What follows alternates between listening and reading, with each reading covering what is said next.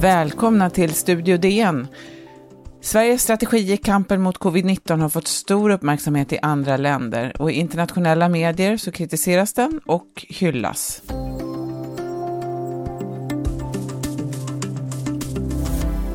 Compared with many European countries, Sweden is taking a relaxed approach to the coronavirus outbreak. Go to Stockholm, the capital of Sweden, though, and you will find cafes and restaurants open but putting very few restrictions on freedom of movement or assembly. The Prime Minister has urged people not to panic. Ja, vad gör de egentligen i Sverige som håller skolor, butiker och restauranger öppna och varför då? Sveriges sätt att hantera virusutbrottet sticker ut i jämförelse med många andra länder som totalt har stängt ner sina samhällen och nu letar efter vägar att öppna upp dem igen. Utländska medier har ägnat den svenska strategin stort intresse. Eh, och DNs reporter Mikael Delin har tillsammans med Emma Bovin skrivit ett reportage om Sverigebilden i utländska medier. Eh, hej Micke! Hejsan! I ert reportage utgår ju ni från Svenska institutets rapport om mediebilden av Sverige. Eh, och kan man först fråga dig, vad är Svenska institutet och vad gör de? Svenska institutet är en, eh, en myndighet enkelt vars, vars uppdrag är att eh, både bevaka Sverigebilden men kanske, kanske främst stärka bilden av Sverige och, och bygga relationer. Eh, men som en del av deras uppdrag då så finns just det här med att följa hur porträtteras, hur beskrivs Sverige, både i, i liksom den kanske allmänna debatten utomlands men, eh, men även av utländska medier. Just det, och de har fem personer som bevakar Sverigebilden utomlands eh, i pressen. Hur, hur, det är ju mycket folk. Hur är deras reaktioner på det här? Exakt, det finns en enhet, enheten för Sverigebildsanalys. Eh, och de har följt mm, eh, det här ungefär sedan i mars så bestämde de sig för att eh, okej, okay, vi tittar helt och hållet på hur Sverige porträtteras i förhållande till coronaviruset och den här pågående pandemin. Och de, eh, de säger, jag har då intervjuat eh, enhetschefen där, Sofia Bard, som säger att sen de började följa Sverigebilden på det här sättet 2012 så har de inte sett någonting liknande. Där Sverige under så lång tid har varit i fokus under något som ju egentligen är en, en, en global internationell kris med berättelser över hela världen.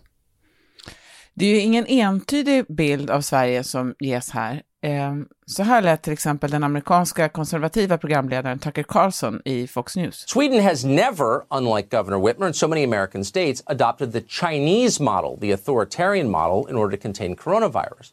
Yet so far, Sweden has fewer cases of coronavirus and fewer deaths than the state of Michigan does. Huh. Does the governor of Michigan know this? Does she care? No. För högerflanken i USA har ju Sverige länge varit en måltavla som ibland har utmålats som helvetet på jorden och nu är Sverige plötsligt poppis. Eh, det är ju lite otippat. Ja, och det är, det är precis som du säger, det finns ju naturligtvis båda delarna, men, men det är rätt intressant att se inte minst den här amerikanska mediala högern som här porträtteras då med Fox News och, och profilen Tucker Carlson, eh, Eh, men, men andra debattörer liksom inom samma miljö eh, som, som så länge har gjort en stor sak av Sverige som ett misslyckat mångkulturellt eh, genuspolitiskt experiment ungefär. Och helt plötsligt eh, sällar sig till de som säger att ah, den svenska modellen när det kommer till virusbekämpning, det är den rätta. Alltså man ställer det mot vad man beskriver som en kinesisk modell med hårda restriktioner och liksom någonting som är möjligt kanske då en mer auktoritär eh, regim och lyfter upp det, det svenska som den positiva motbilden. Väldigt intressant eh, är ju det att, att, se hur det går igenom. Just nu pågår det i USA eh, demonstrationer över hela landet, människor som vill öppna upp sina delstater, vi måste få gå tillbaka till jobbet, vi måste kunna ha butikerna öppna igen. Eh, någonting som också eldats på av, av, presidenten Donald Trump. Det är ju ofta hans supportrar som är ute och, och eh, protesterar. Och då har man ju sett skyltar på, som, som eh, människor håller upp där det står Be like Sweden. Och det här är ju människor som kanske vanligtvis inte vill associera sig med, med den svenska modellen. Men andra då är ju mer kritiska till Sverige och förordar en, att eh, man borde ha, att det här är en väldigt oförsiktig linje. Hur ser den kritiska, hur ser den kritiken ut? Absolut. Eh, ska vi säga det att överlag så säger eh, Svenska institutet och deras utredare att det, av, av vad de har sett, även om det förekommer både kritik och beröm, så tycker man att det, de, det absolut mesta är sakligt. Alltså det som är kritik är inte nödvändigtvis eh, osakliga påhopp, utan det är kritik på samma sätt som vi granskar och rapporterar om, om eh, det svenska hanterandet. Den kritiken som finns är ju ofta i jämförelse med andra länder. Man tittar på våra nordiska grannländer och det här är ju någonting som vi har rapporterat om tidigare. Och eh, där man kan se att mycket tidigare stängde de ner kanske mer av eh, eh, skolorna, stängde ner samhället, förbjöd större folksamlingar, medan Sverige kanske inte har varit lika restriktiva eller inte lika tidiga. Oavsett om det är rätt eller fel då så, så är det någonting som kritiken rätt ofta bygger på, att man ser liksom Sverige som kanske senfärdigt i, i förhållande till andra. Det finns ju också eh, en utveckling över tid som du beskriver rätt så väl, att det, det man kan ju se på Ehm, på myndigheternas dagliga presskonferenser så har ju antalet utländska journalister har ju ökat och jag vet inte om det kanske hänger ihop med att nu flera samhällen också börjar titta på om man ska öppna igen och, och, ehm, eh, och ehm, då blir Sverige någon slags, eh, ja, man sneglar mot Sverige och ser hur vi har gjort från början här. Det finns också många längre reportage och svenska experter och myndighetsföreträdare eh, har fått ganska god exponering. Vi ska höra mer om det alldeles strax.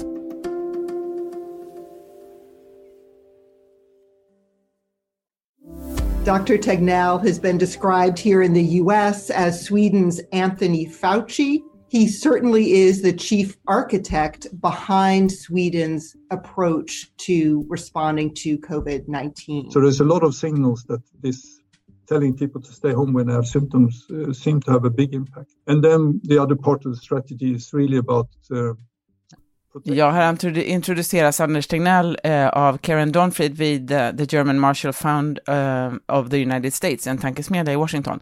Han får en hel timme på sig här att svara på frågor om den svenska linjen. Eh, skulle du säga, e, enligt vad ni har förstått i er rapportering, Mikael, att det finns en genuin vilja att förstå vad Sverige gör? Ja, det är i alla fall den slutsatsen som um, Svenska institutet drar och det går väl också att se i alla fall anekdotiskt om man tittar på den utländska rapporteringen att, um, att den, den, handlar faktiskt rätt mycket om, oavsett om det är kritiskt eller, eller mer positivt eller bara skildrande så handlar det rätt mycket om att försöka gå på djupet. Alltså, det, det har publicerats som mest kanske 6000 engelskspråkiga artiklar på en dag om Sverige och det nya coronaviruset eh, hundratals, hundratusentals artiklar om man ser på flera språk och över, över tid. Men av de här så är det kanske inte det stora liksom, antalet som är det som Svenska institutet reagerar på, utan framförallt att de är just så fördjupande, så omfattande, så många röster som får komma till tals. Um, att det, det, är lätt att i de här sammanhangen prata om kanske liksom eh, propaganda eller desinformation, men man säger att nej, det är inte alls huvudsakligen det vi ser, utan det vi ser är eh, en, en, en, genuin vilja att försöka förstå varför gör Sverige så annorlunda än alla andra? Det där är jätteintressant. Jag var själv med i eh, amerikanska NPR för ett par veckor sedan och de ställde också väldigt många frågor om, eh, om bakgrunden. Man kan ju också se i Um, som du själv är inne på, man ser intervjuer med en person som till exempel professorn i historia Lars Trädgård, som ju har forskat väldigt mycket på den svenska tilliten och som förklarar den svenska modellen. Man kan se att man väl försöker förklara också hur det juridiskt ser ut i Sverige, att vi har en grundlag som, som inte tillåter att regeringen eh, förklarar ett undantagstillstånd i fredstid på ett sätt som går att göra i andra länder. Eh, finns det några eh, missuppfattningar kring Sverige som, som sprider sig. Ni berättar ju lite grann om det. Mm. Det som kanske är mest eh, påtagligt ju den här diskussionen kring vilken roll spelar egentligen det som kallas flockimmunitet i, eh, i den svenska strategin. Alltså flockimmunitet bygger ju, eh, och nu får du ursäkta att jag inte är expert då på virus, men det bygger ju på, på tanken att när ett visst andel av befolkningen är, är immun, antingen genom vaccin eller att man har haft ett virus, så kommer viruset, spridningen av det drastiskt minska. Eh, och eh, det blev ju tidigt satt en bild kring att det, det, här är en stor del av den svenska, det här kanske till och med är huvudsyftet eh, med den svenska strategin. Och det kom ju efter att en tidigare statsepidemiolog, Annika Linde, skrev om det på Facebook. Den bilden har satt sig eh, till, till, till den nivån att Donald Trump har stått i talarstolen och pratat om de kallar det flocken, titta på Sverige, de har lidit mycket, det här är vad som händer. Eh, om, det, eh, om, om det är ett missförstånd, eh, det, det ligger ju lite i beroende på hur man skriver kring det, men det är ju någonting som Folkhälsomyndigheten har tillbakavisat. Det här är inte vår huvudsakliga strategi, men det är ju uppenbarligen en sån sak som eh, som fortfarande eh, sitter kvar i rapporteringen. Man kan väl säga att Folkhälsomyndigheten brukar ju säga att deras strategi är ungefär som alla andras, alla andra länder, eller hur? De vill ju åstadkomma ungefär samma sak. Man pratar mycket om de här kurvorna hela tiden. Ja, så är det. De, Folkhälsomyndigheten och också svenska regeringen, statsministern Stefan Löfven har ju sagt samma sak, att, eh, att Sverige skiljer sig egentligen inte så mycket. Eh, och det kan de ju säga. Samtidigt är det ju så att i jämförelse med till exempel de nordiska grannländerna så har vi eh, i Sverige vidtagit åtgärder men vi har vidtagit mindre restriktiva åtgärder och vi har gjort det senare än vad andra länder har gjort. Eh, sen att vi ändå vidtar åtgärder, vilket de ju såklart är, är snabba att lyfta fram, eh, förtar ju inte den bilden. Men tror du att det finns en vilja eh, så att säga att det kan finnas en, ett incitament att försöka plocka ner Sverige. Eh, för att om den svenska strategin visar sig fungera, det vet vi ju inte ens kan man säga. Det är ju ingen som vet vilken strategi som är, är den bästa i den här kampen. Det kommer vi kanske dröja flera år innan vi vet. Eh, men en fransk journalist frågade häromdagen på eh, en, en presskonferens och vad Sverige visste när det gäller skolorna, eftersom det verkar som att barn inte är så mycket smittspridare. Och vad visste Sverige som inte till exempel Frankrike visste eller andra länder visste?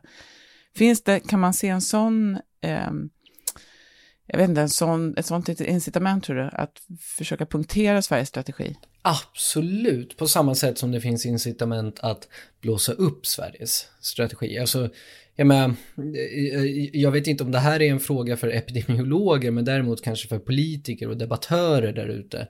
Eh, så, så är det ju såklart en, en fråga, alltså, gör vi rätt och det som jag förespråkar, är det rätt?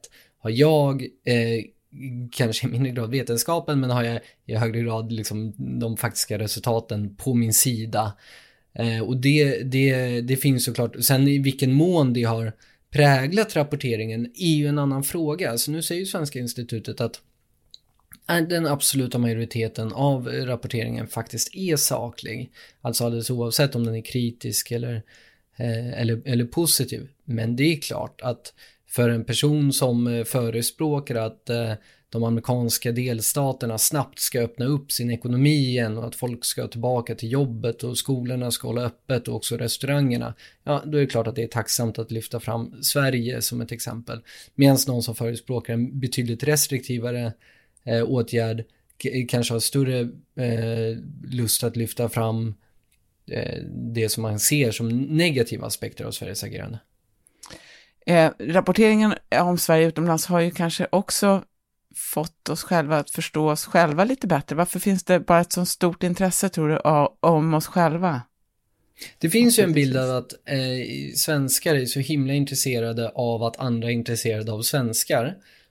Och så är det säkert. Samtidigt är det så, eh, och det säger de inte minst på Svenska institutet, att intresset för Sverige är stort. Alltså om det är någonting som inte skiljer sig från den vanliga rapporteringen av Sverige i, i det som sker nu, så är det att Sverige återigen ser som eh, någonting som, ett land som sticker ut, ett, ett, ett land som går en egen väg, ett land som trots sin liksom eh, blygsamma befolkningsmängd blir ett exempel på någonting. Och det, och det är ju klart att eh, det intresset i sig är ju intressant för oss att, att följa.